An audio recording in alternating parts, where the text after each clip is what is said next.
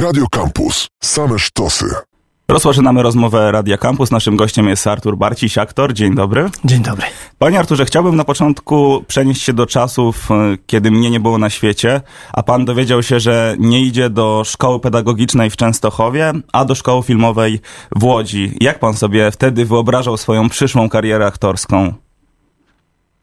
Właściwie sobie nie, nie wyobrażałem. Ja byłem wtedy najszczęśliwszym człowiekiem na świecie, że się w ogóle dostałem do, na Wydział Aktorskiej Szkoły Filmowej w Łodzi. E, bo, bo bałem się, że się nie dostanę, bo e, e, prezentowałem warunki, które nie odpowiadały do ówczesnym stereotypom. I, I były takie opinie, że aktor to musi być wysoki i przystojny, a ja byłem wręcz przeciwnie. I no trochę się obawiałem, czy za pierwszym razem mi się uda. Słyszałem takie legendy, że na przykład Janusz Gajos zdawał cztery razy i, i tak dalej, a jest wybitnym aktorem. I wtedy też już był wybitnym aktorem, więc um, było, no może nie tyle zaskoczeniem, ale wielką radością, że, że zostałem studentem szkoły filmowej w Łodzi. Pamięta pan swój egzamin? Tak, tak, oczywiście, takich rzeczy się nie zapomina. Stres Pamiętam. był ogromny? Tak, tak. Stres był ogromny, szczególnie, że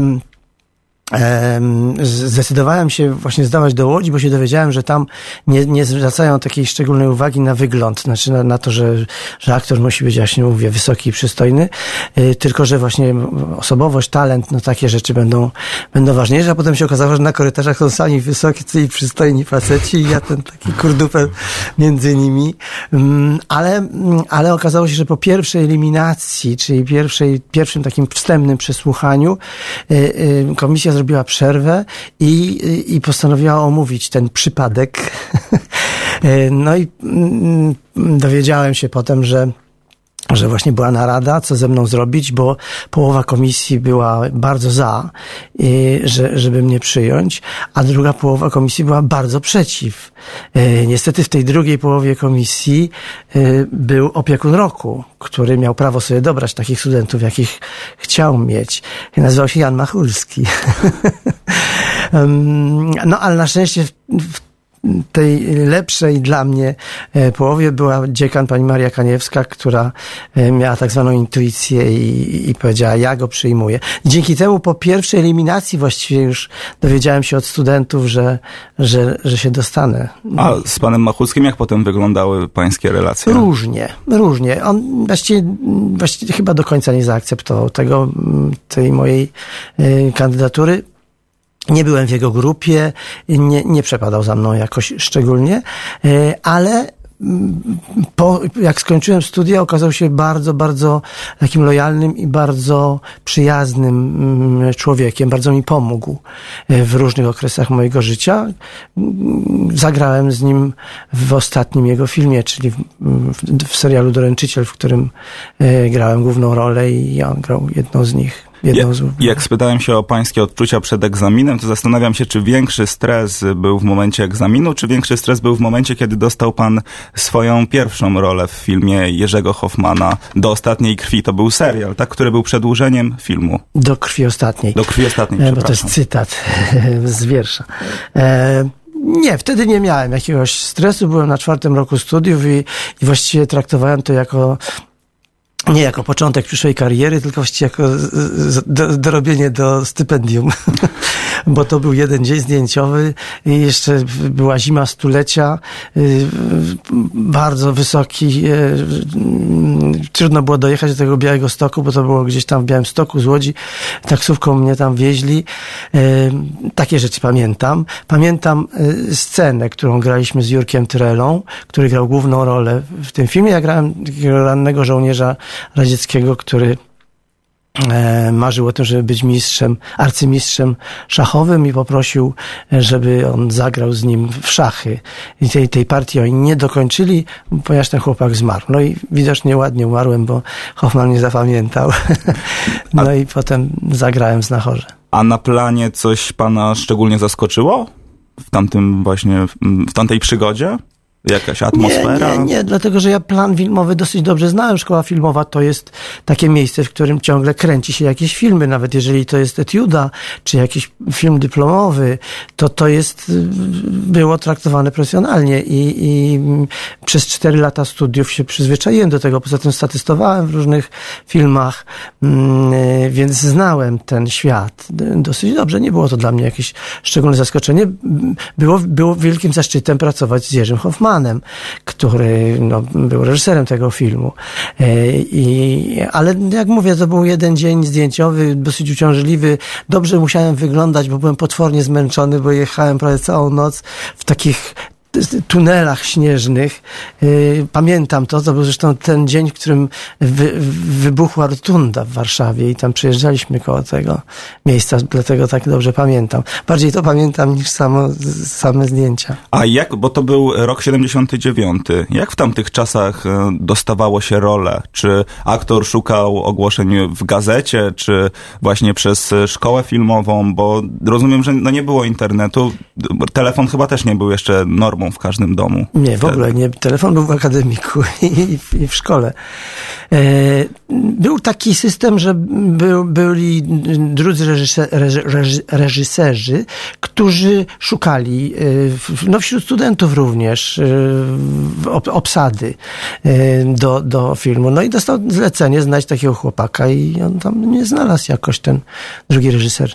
A pan wspomniał o pracy z Jerzym Hoffmanem. Czy jest jeszcze grupa reżyserów, z którymi pracę wspomina pan wyjątkowo? Bo pan pracował też z Andrzejem Wajdą, z Krzysztofem Kieślowskim, z legendami polskiego kina. Tak, no to tego się nie da zapomnieć. To, to praca z tak wybitny. Oni z jakiegoś powodu są wybitni, byli wybitni. I właśnie z tego, że byli wyjątkowymi ludźmi, wyjątkowymi artystami i praca z nimi to, to była no, wielka, wielka y, przygoda. Chociaż akurat z Andrzejem Wajdą pracowałem dosyć krótko, bo tam zagrałem epizod Człowieku z Żelaza, który zresztą został prawie całości wycięty. Mm, a potem zagrałem w jego filmie Wielki Tydzień, takiego polskiego faszystę. Mm, I to tyle. E, no a z Krzysztofem Kieślowskim to oczywiście mm, kawałek mojego życia, e, czyli film Bez końca, e, a potem Dekalog. A dlaczego ci reżyserzy są pana zdaniem wybitni? Jakby pan mógł krótko powiedzieć coś o Andrzeju Wajdzie, o właśnie Krzysztofie Kieślowskim? Jeżeli reżyser robi filmy, które mają zasięg światowy, nie lokalny, polski, tylko światowy, to to już o czymś świadczy. E, jeżeli pan w jakimkolwiek środowisku filmowym e, na świecie zapyta, czy wiedzą, kto to był Krzysztof Kieślowski, to oni będą wiedzieli. E, dekalog jest lekturą obowiązkową we wszystkich szkołach filmowych świata, ponieważ to był przełom, to był rodzaj jakiegoś kroku minowego w historii kina. Podobnie Krzysztof Kieślowski w ogóle sam w sobie był niezwykłą osobowością e, i kręcił filmy również przecież za granicą i, i, i kto wie, czy nie, nie te najwybitniejsze właśnie tam czyli Trzy kolory, czy Podwójne życie Weroniki, e, był reżyserem światowego formatu światowego. No i dlatego z jakiegoś powodu to nie jest tak, że każdy może. Po prostu był wyjątkową osobowością, wyjątkowym artystą, wyjątkowym filmowcem, wyjątkowym człowiekiem. Wszystko było w nim wyjątkowe. A czy wśród tej młodej fali polskich reżyserów widzi pan kogoś, kto w jakimś stopniu będzie w stanie im dorównać? Na pewno, to znaczy ja nie, nie, nie, nie, nie pracowałem z, z tymi młodymi reżyserami, bo właściwie od, od lat nie gram w żadnych filmach, ale, ale y, na pewno są tacy, bo oglądałem parę y, naprawdę znakomitych y, polskich filmów, czy pan Matuszyński z ostatniej rodziny, który nakręcił ostatnią rodzinę, czy, czy Maciej Pieprzyca, który nakręcił Chce się żyć, czy no jest teraz wielu bardzo dobrych polskich reżyserów. Nie wiem, na ile oni są w stanie przekroczyć ten próg, żeby być e, e, tej miary reżyserami jak Krzysztof Kieślowski czy Andrzej Wajda. Mm, no, ale jeżeli e, mm, Boże Ciało jest kandydatem do Oscara, był kandydatem do Oscara, to na pewno z jakiegoś powodu. A to już bardzo dobry film, więc pewnie, i zrobił to na pewno bardzo dobry reżyser. Tak, Jan Komasa to prawda, Tak. bardzo, bardzo do- dobry, tak samo Hater, jego e, najnowszy film e, też bardzo, bardzo polecam. E, Pan wspomniał o tym, że pan aktualnie nie gra w filmach. Czy to z wyboru, czy przez okoliczności? E, Nie, nie, nie, na pewno nie z wyboru. Nie, po prostu nie dostaję propozycji, nie dostaję, nie jestem zapraszany na castingi, nie, nie chciałbym się tu jakoś żalić, broń Boże, ale no tak jest, że mm, to, to łatwo dosyć e, zauważyć, że w filmach kinowych grają właściwie głównie ci sami aktorzy w kółko. Mm, Nie chcę mówić, że to jest jakiś, e, nie wiem, układ, czy jakieś, jakieś środowisko, które się nawzajem docenia, ale, ale coś w tym jest. Mm, Nie wiem dlaczego tak się dzieje. A jest jakaś postać, w którą chciałby się pan wyjątkowo wcielić? Ma pan jeszcze e, coś takiego, że jest jakieś marzenie aktorskie? Nie, nie, nie. W tej chwili nie mam takiego marzenia. Kiedyś miałem e, marzenie teatralne. Marzyłem o tym, żeby zagrać Papkina w Zemście. I się spełniło marzenie. Tak, i to marzenie się spełniło. Pięć lat temu Krysia Janda zadzwoniła z propozycją, żebym u niej w teatrze zagrał Papkina i gram go do tej pory. Kiedy w tym studiu był Bartosz Żukowski i mówił o roli Waldusia w świecie według kiepskich, e, wspominał o tym, że każdy myśli, że to jest łatwe granie, ale że to granie wcale nie jest łatwe, bo tam trzeba grać poważnie. E, Pan w podobnym tonie wypowiadał się o graniu w miodowych latach, ale pan miał tam dodatkowe utrudnienie, bo to było nagrywane przed y, publiką. Tak, przed publiką. Przed publiką, tak. Tak, tak, to było nagrywane na żywo przy udziale publiczności. E, I oczywiście tak, to jest święta prawda. No, żeby dobrze zagrać komedię, trzeba być śmiertelnie poważnym. Wtedy, wtedy ta komedia ma szlachetny wymiar, jest, jest prawdziwa. E, Nie ma nic gorszego niż aktor, który się wygłupia. Szczególnie w komedii. E, ale, ale no, to są takie rzeczy, które wymagają po prostu warsztatu, czyli pewnych umiejętności, których można się nauczyć.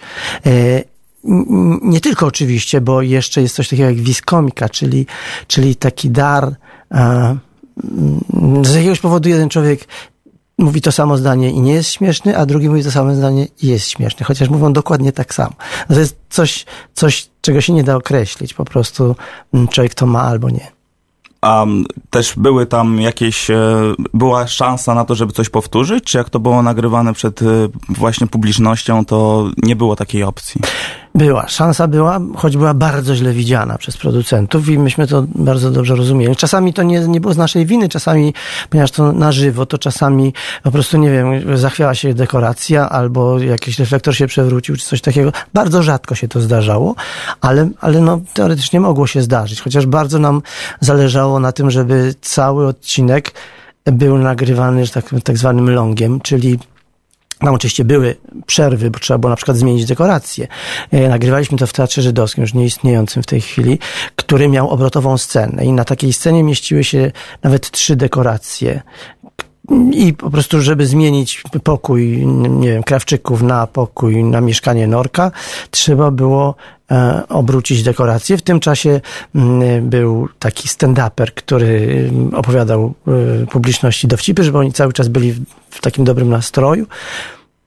Po czym reżyser mówił kamera start i graliśmy dalszy ciąg odcinka, ale cały odcinek był nagrywany za jednym, za jednym zamachem, chociaż dwa razy. Miał pan jakąś swoją metodę na powstrzymywanie śmiechu?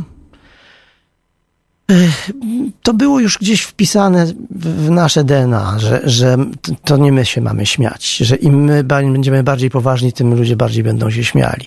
Bywały oczywiście takie sytuacje, że, że coś nas bardzo gotowało. Gotować się w naszym takim żargonie aktorskim, znaczy się, zacząć się prywatnie śmiać z czegoś, czego się nie powinniśmy śmiać, ale czego się powinna śmiać publiczność, ale bardzo rzadko to się zdarzało Yy, i, i, i z reguły to wyglądało tak, że po prostu chociaż nas na próbach coś bardzo, bardzo śmieszyło, to w momencie, kiedy wchodziliśmy w postać, wchodziliśmy w dekorację, wchodziliśmy w, w akcję, to, y, to ten śmiech znikał kompletnie. Za co pan lubi postać Tadeusza Norka? Co w tej postaci pana irytuje?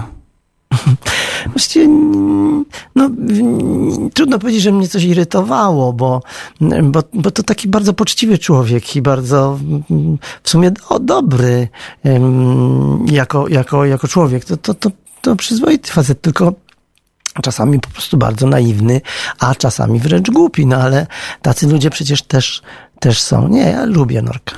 Co było największym atutem pana zdaniem miodowych lat?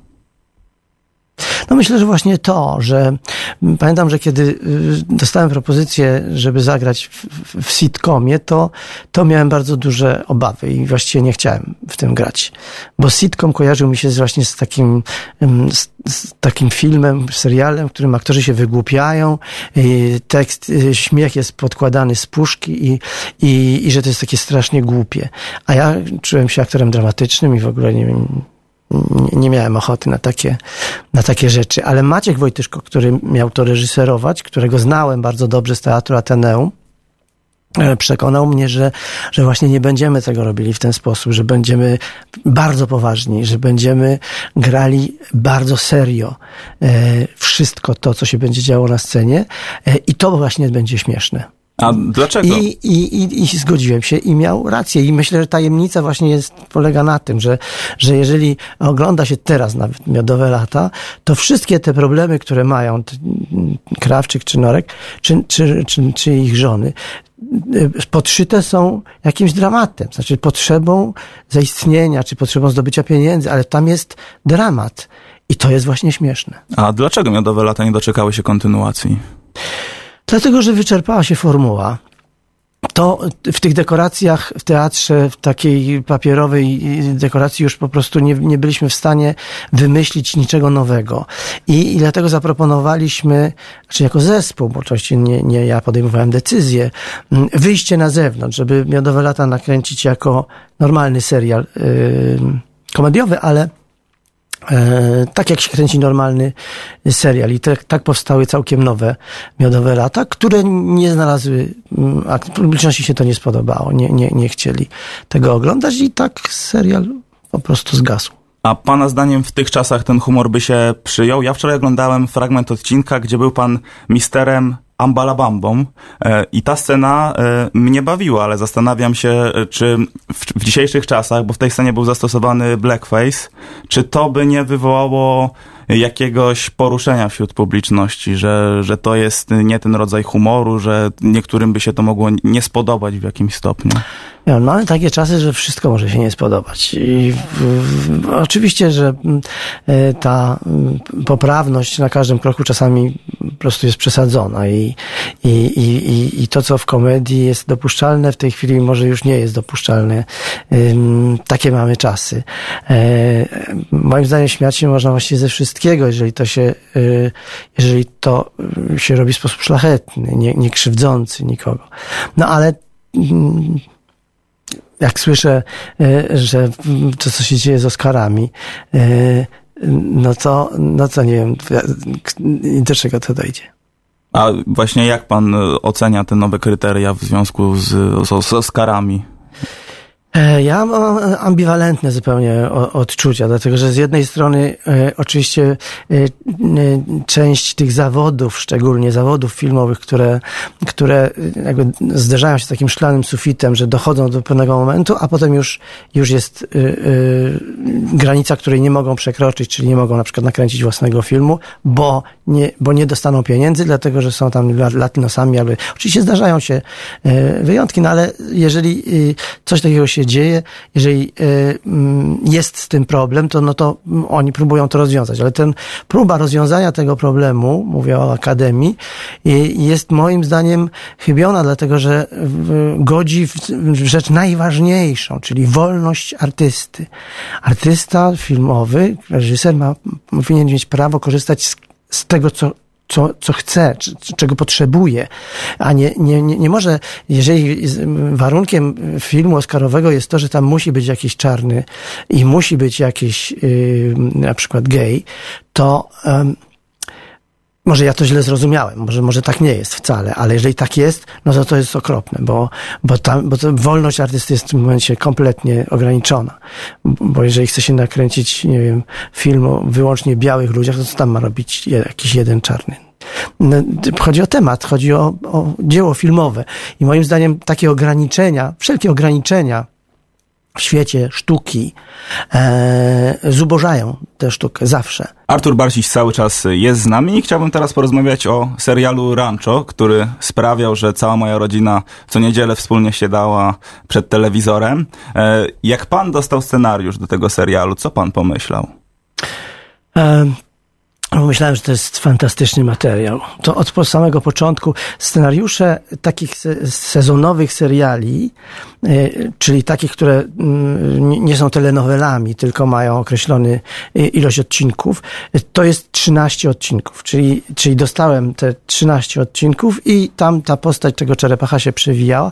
I ja właściwie byłem niechętny dosyć, dlatego że my z Czarkiem po rozstaniu, po zakończeniu miodowych lat chcieliśmy się rozstać na jakiś czas. Nie, nie że się pokłóciliśmy, broń Boże, bo graliśmy razem w teatrze i się przyjaźniliśmy dalej, tylko myśleliśmy, że nie chcemy być taką dyżurną komediową parą. W Polsce i że powinniśmy zrobić coś swojego, a potem ewentualnie jakoś tam e, do siebie wrócić. No ale tu się okazało, że, że jest ta rola Czerepacha. Ja miałem grać w serialu Doręczyciel, na który nie dostał pieniędzy i no i przekonano mnie, że, żebym to zagrał. Oczywiście bardzo mi zależało na tym, żeby ten Czerepach wyglądał zupełnie inaczej niż Norek, dlatego wymyśliłem mu te tupecik, wymyśliłem sposób mówienia, tam Czerepach troszeczkę sepleni i, i, i sposób chodzenia. No w ogóle, żeby to był ktoś inny, żeby to nie był Norek, który został sekretarzem sekretarzem gminy w Wilkowyjach. No i tak już się potem e, e, jakby to rozwinęło. E, okazało się, że w momencie, kiedy my z Czarkiem razem gramy, to, to jakby zaczyna iskrzyć i to się fajnie ogląda. No i scenarzyści zaczęli pisać specjalnie jakby pod nas całe dalej te, te wątki aż do dziesiątego sezonu. Jak pan tworzył postać Czerepacha i jak ta postać się na przestrzeni lat zmieniała? Bo z, z lokalnej polityki wszedł do e, polityki wielkiej i jak to przed sezonami wyglądało u pana? No, wyglądało na to, że to jest polityk od samego początku. To znaczy, że to jest manipulator, to jest, to jest szuja, która potrafi y, y, cel uświęca środki i każdy cel, każdy, każdy środek do, do osiągnięcia celu, czyli politycznego celu, nawet w takiej mikroskali jak, jak y, taka gmina e, Wilkowyje, cały czas po Czerepach powtarzał, nie ta skala, nie ta skala. Bo oczywiście on marzył o tym, żeby być e, politykiem i to bardzo wysokiej rangi, co oczywiście czego, czego, czego dopiął. Przecież został właściwie premierem i E, I, i, I, budowanie tej postaci polegało na tym, że e, ja po prostu miałem to w scenariuszu. Znaczy, scenarzyści, głównie Andrzej Grębowicz świętej pamięci, wyczuwał pewne rzeczy i tak to pisał, że tam właściwie nic nie trzeba było zmieniać.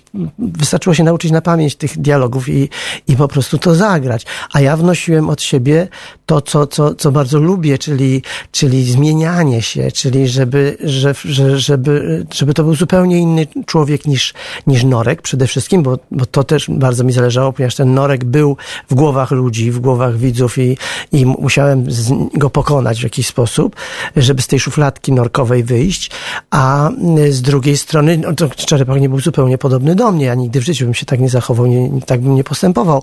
No ale właśnie to jest fajne w aktorstwie, że można się zmieniać, można grać e, kogoś, kim się zupełnie nie jest e, i, i, i, i mieć z tego ogromną frajdę. A jak e, przed rolą śledził pan polityków, to brał jakieś pan cechy z nich do Czerepacha, czy to jest odwrotnie, że to politycy biorą jakieś cechy teraz aktualnie z właśnie z Czerepacha?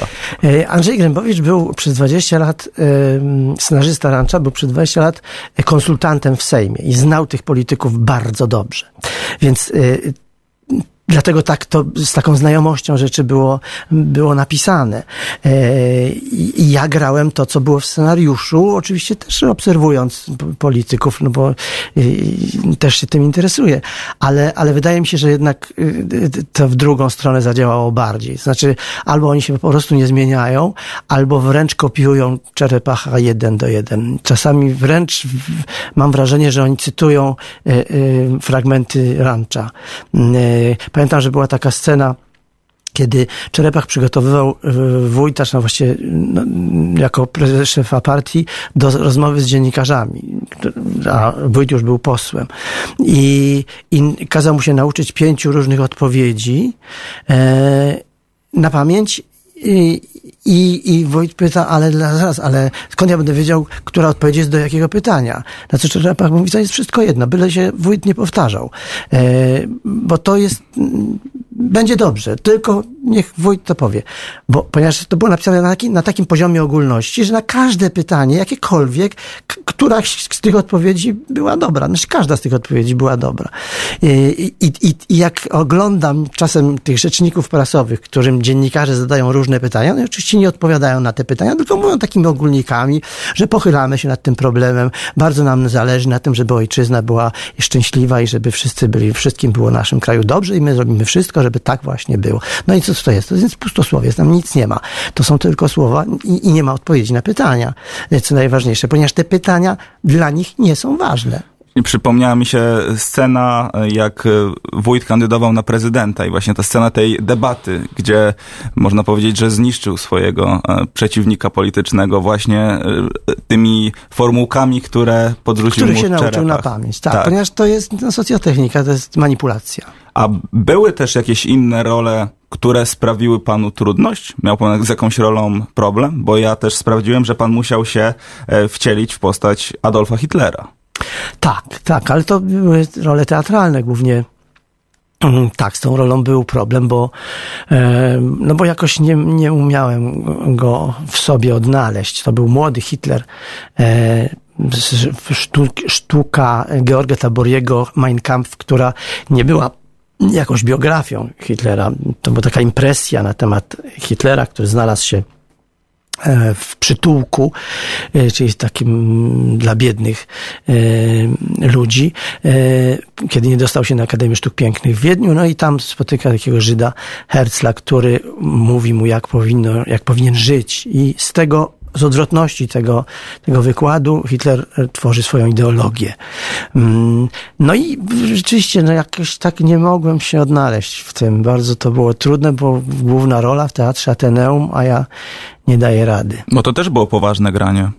Bardzo poważne, bardzo poważne. Tam nie było nic, nic śmiesznego. To był ten okres, kiedy ja uważałem, że zawsze będę aktorem dramatycznym, a nie komediowym.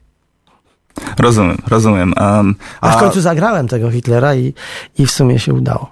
Bo jeszcze jakieś role, które gdzieś sprawiały problem, pojawiały się? To właściwie ciągle są, ja nie mam tak, to, to jak się chce dobrze zagrać, to zawsze jest jakiś problem, to zawsze jest, to nigdy nie przychodzi łatwo, dlatego że jeżeli się gra powierzchownie, to tak, to, to jest stosunkowo łatwo, wystarczy się nauczyć na pamięć y, tekstu, albo nawet nie do końca, trochę własnymi słowami coś tam powiedzieć, intencje i już. A jeżeli chce się, żeby postać była pełna, żeby ona miała jeszcze jakąś tajemnicę, żeby była bardzo prawdziwa, żeby była prawdziwa, musi zawierać jeszcze inne elementy. I te elementy trzeba w sobie odnaleźć i spróbować je e, jakoś zagrać, ale też tak zagrać, żeby, żeby one intrygowały, a nie były wyłożone na wierzchu. To jest dosyć skomplikowane, ale natura ludzka jest bardzo skomplikowana. Jeżeli gramy człowieka, to, to, to że że ta natura właśnie taka jest, powinno być w tym człowieku, którego gramy. Więc jeżeli gramy powierzchownie, no to jest tylko tyle, tak jak, tak jak czasami patrzymy na kogoś, kto nas kompletnie nie interesuje.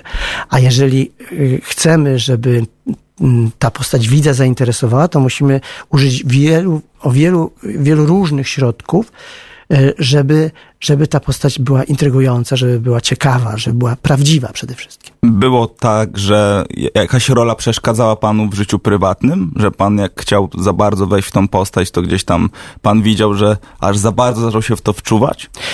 Nie, raczej nie, nie. Ja oddzielam te dwie rzeczy. Nie, nie, nie, nie mam tak, że, że zagram w, jakiejś sztuce w teatrze, a potem muszę godzinę siedzieć w garderobie, żeby dojść do siebie. Aktorstwo polega na kontroli, na, na, na tym, że, że to ja jestem woźnicą moich emocji, mojego ciała. Ja decyduję o tym, co ono będzie robiło na scenie. Dlatego y, powtarzalność, która jest niezwykłą, ważną cechą w tym zawodzie, właśnie polega na tym, że trzeba to samo zagrać 15 razy. Jeżeli się tego nie będzie kontrolowało, to się tego nie zrobi. Więc y, trzeba uruchamiać w sobie te emocje i je umieć kontrolować. Ale bywało tak, że kiedy grałem w serialu Doręczyciel, w którym grałem kogoś zupełnie innego niż my wszyscy, bo osobę upośledzoną umysłowo i, i, y, i zupełnie inaczej się zachowującą niż, niż wszyscy my, to, to jak wchodziłem w tę postać, która inaczej chodziła, inaczej patrzyła, no wszystko było inaczej, to, to czasami zdarzało mi się, że, że, że w, na przykład uczyłem się tekstu. Miałem bardzo dużo tekstu, grałem główną rolę i z żoną byliśmy na, gdzieś na zakupach, a ja w głowie powtarzałem sobie jakiś monolog i automatycznie zacząłem chodzić tak jak Janek, zacząłem patrzeć tak jak on i, i żona mi zwracała uwagę, mówi przestań, bo ludzie na ciebie patrzą. Panie Arturze, jeszcze chciałbym o wątku internetowym z panem porozmawiać. Jak to było z pana występem w Hot 16 Challenge 2? Bo wiemy, że z rymowaniem to pan problemu nie ma, ale czy też pan w ramach przygotowań e, słuchał polskiego rapu, patrzył na wykonania jakichś raperów, żeby e, podłapać ten hip-hopowy styl? Kiedy zostałem wyzwany, znaczy właściwie razem z Czarkiem zostaliśmy wyzwani przez rapera Loco, e, to było dla mnie ogromnie niespodzianką. Ja tylko słyszałem o tym, że jest ten Hot Challenge i tam wiedziałem, że coś takiego jest, ale że ja będę w tym uczestniczył, do głowy mi nie przyszło. No ale nagle zostaliśmy wyzwani i nagle na Facebooku, na moim fanpage'u, tam mnóstwo wiadomości, został pan wyzwany, proszę teraz się do tego odnieść, 48 godzin i tak dalej, i tak dalej. No, ponieważ cel był szczytny i, i w sumie świetna zabawa, więc powiedziałem, no dobrze, Dobrze, jak trzeba, to trzeba. No i tam, nie wiem, w 15 minut napisałem ten tekst. Potem zadzwoniłem do Czarka. Czarek tak nie bardzo miał ochotę, bo, bo był w próbach i rap, rapowanie się zwariował. Ja mówię, tak, zrobimy, zobaczysz, będzie dobrze. No i tam znalazłem w internecie taki darmowy podkład. Pod to umówiliśmy się następnego dnia. Bardzo mało czasu było na to. Pojechałem do teatru, y, Czarek akurat skończył próbę, y, pokazałem mu ten tekst, miał wydrukowany, już wszystko przygotowałem i, i, i nagraliśmy to.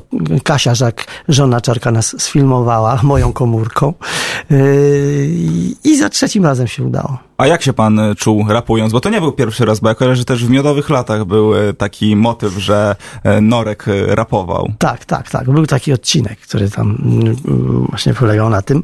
Ja nie, dla mnie, jeżeli y, każdy rodzaj sztuki, jeżeli jest wybitny, jeżeli to jest ważne, jeżeli to jest ciekawe, to, to, to, mi się, to mnie to interesuje. I, I jak rapem się jakoś tak, nie jestem jakimś fanem y, szczególnym, ale jeżeli coś jest naprawdę dobre, tak jak Pato Inteligencja, to oczywiście to y, obejrzałem kilka razy. I, i, i wiem, że to jest bardzo trudne. To, to się tylko tak wydaje, że to jest tak, że tam coś sobie gadają w rytmie, czy, czy przeciwrytmowi. Y, to, to, to, to tak nie jest. Niektóre rzeczy są piekielnie trudne. Wspomniał pan o patointeligencji w wykonaniu Maty, a czy kojarzy pan też innych polskich raperów? Eee... No tak teraz z głowy to panu nie, nie, nie rzucę, bo, bo, bo to nie jest jak mój świat. Ja jestem w krainie łagodności. teraz świętej pamięci Ewa Demarczyk czy Marek Grechuta, na podstawie piosenek, którego właśnie robię spektakl w teatrze w Gorzowie. To, to jest ten świat, który mnie jakby pochłania, który mnie wciąga. Ale oczywiście rap też, jeżeli jest dobry. A co z pańskim kanałem na YouTubie? Czy to, czy to jest przygoda, czy też e, kanał jakoś planuje pan szczególnie rozwinąć? No właśnie nie wiem, co z tym zrobić, dlatego że to się tak stało samo z powodu pandemii. Nie miałem co robić. Właściwie praktycznie od pół roku prawie w ogóle nie pracuję.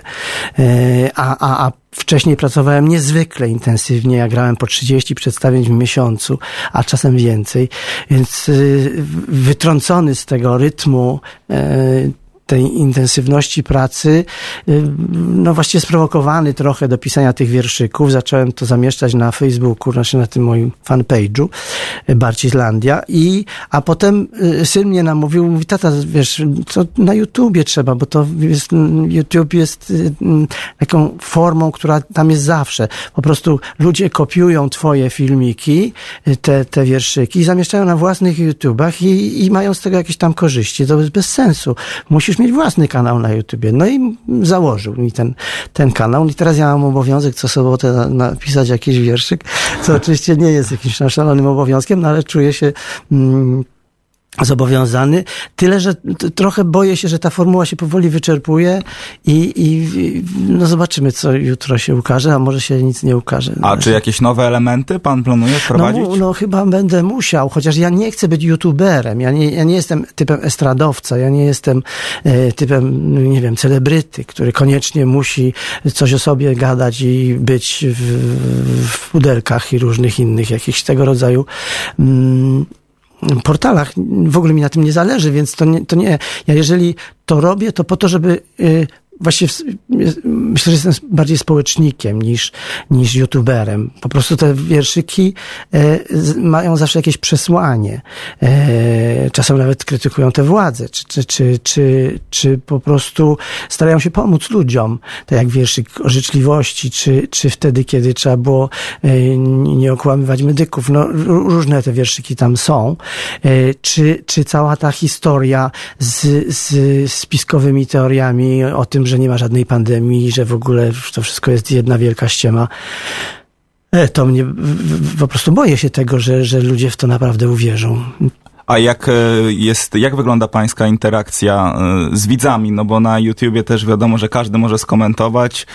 No i też czasami zdarzają się na przykład hejterzy, czy ludzie, którzy robią sobie z kogoś żarty. Czy pan też jakoś szczególnie na to zwraca uwagę? Umówiliśmy się z synem, że e, będzie usuwał komentarze z wulgaryzmami. Y, Ale już y, na przykład jak ktoś napisał, że jak mnie spotka, to napluje mi w twarz, już tego nie usunąłem. No bo to świadczy bardziej o tym człowieku niż o mnie.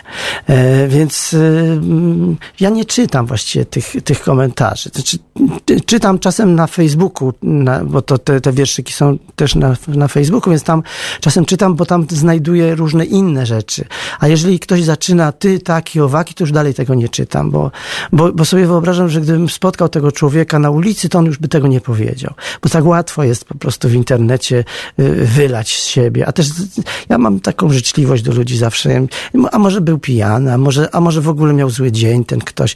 Ja uważam, że ludzie w ogóle są dobrzy, tylko im nie wychodzi czasami. No jeszcze w internecie ludzie są anonimowi, więc to też no na więc pewno. jeszcze ta anonimowość, no, że, że można, że to właściwie współczuję takim ludziom, którzy wykorzystując tę anonimowość obnażają się tak, tak o- obrzydliwie. I do kanału na YouTubie pana Artura odsyłamy.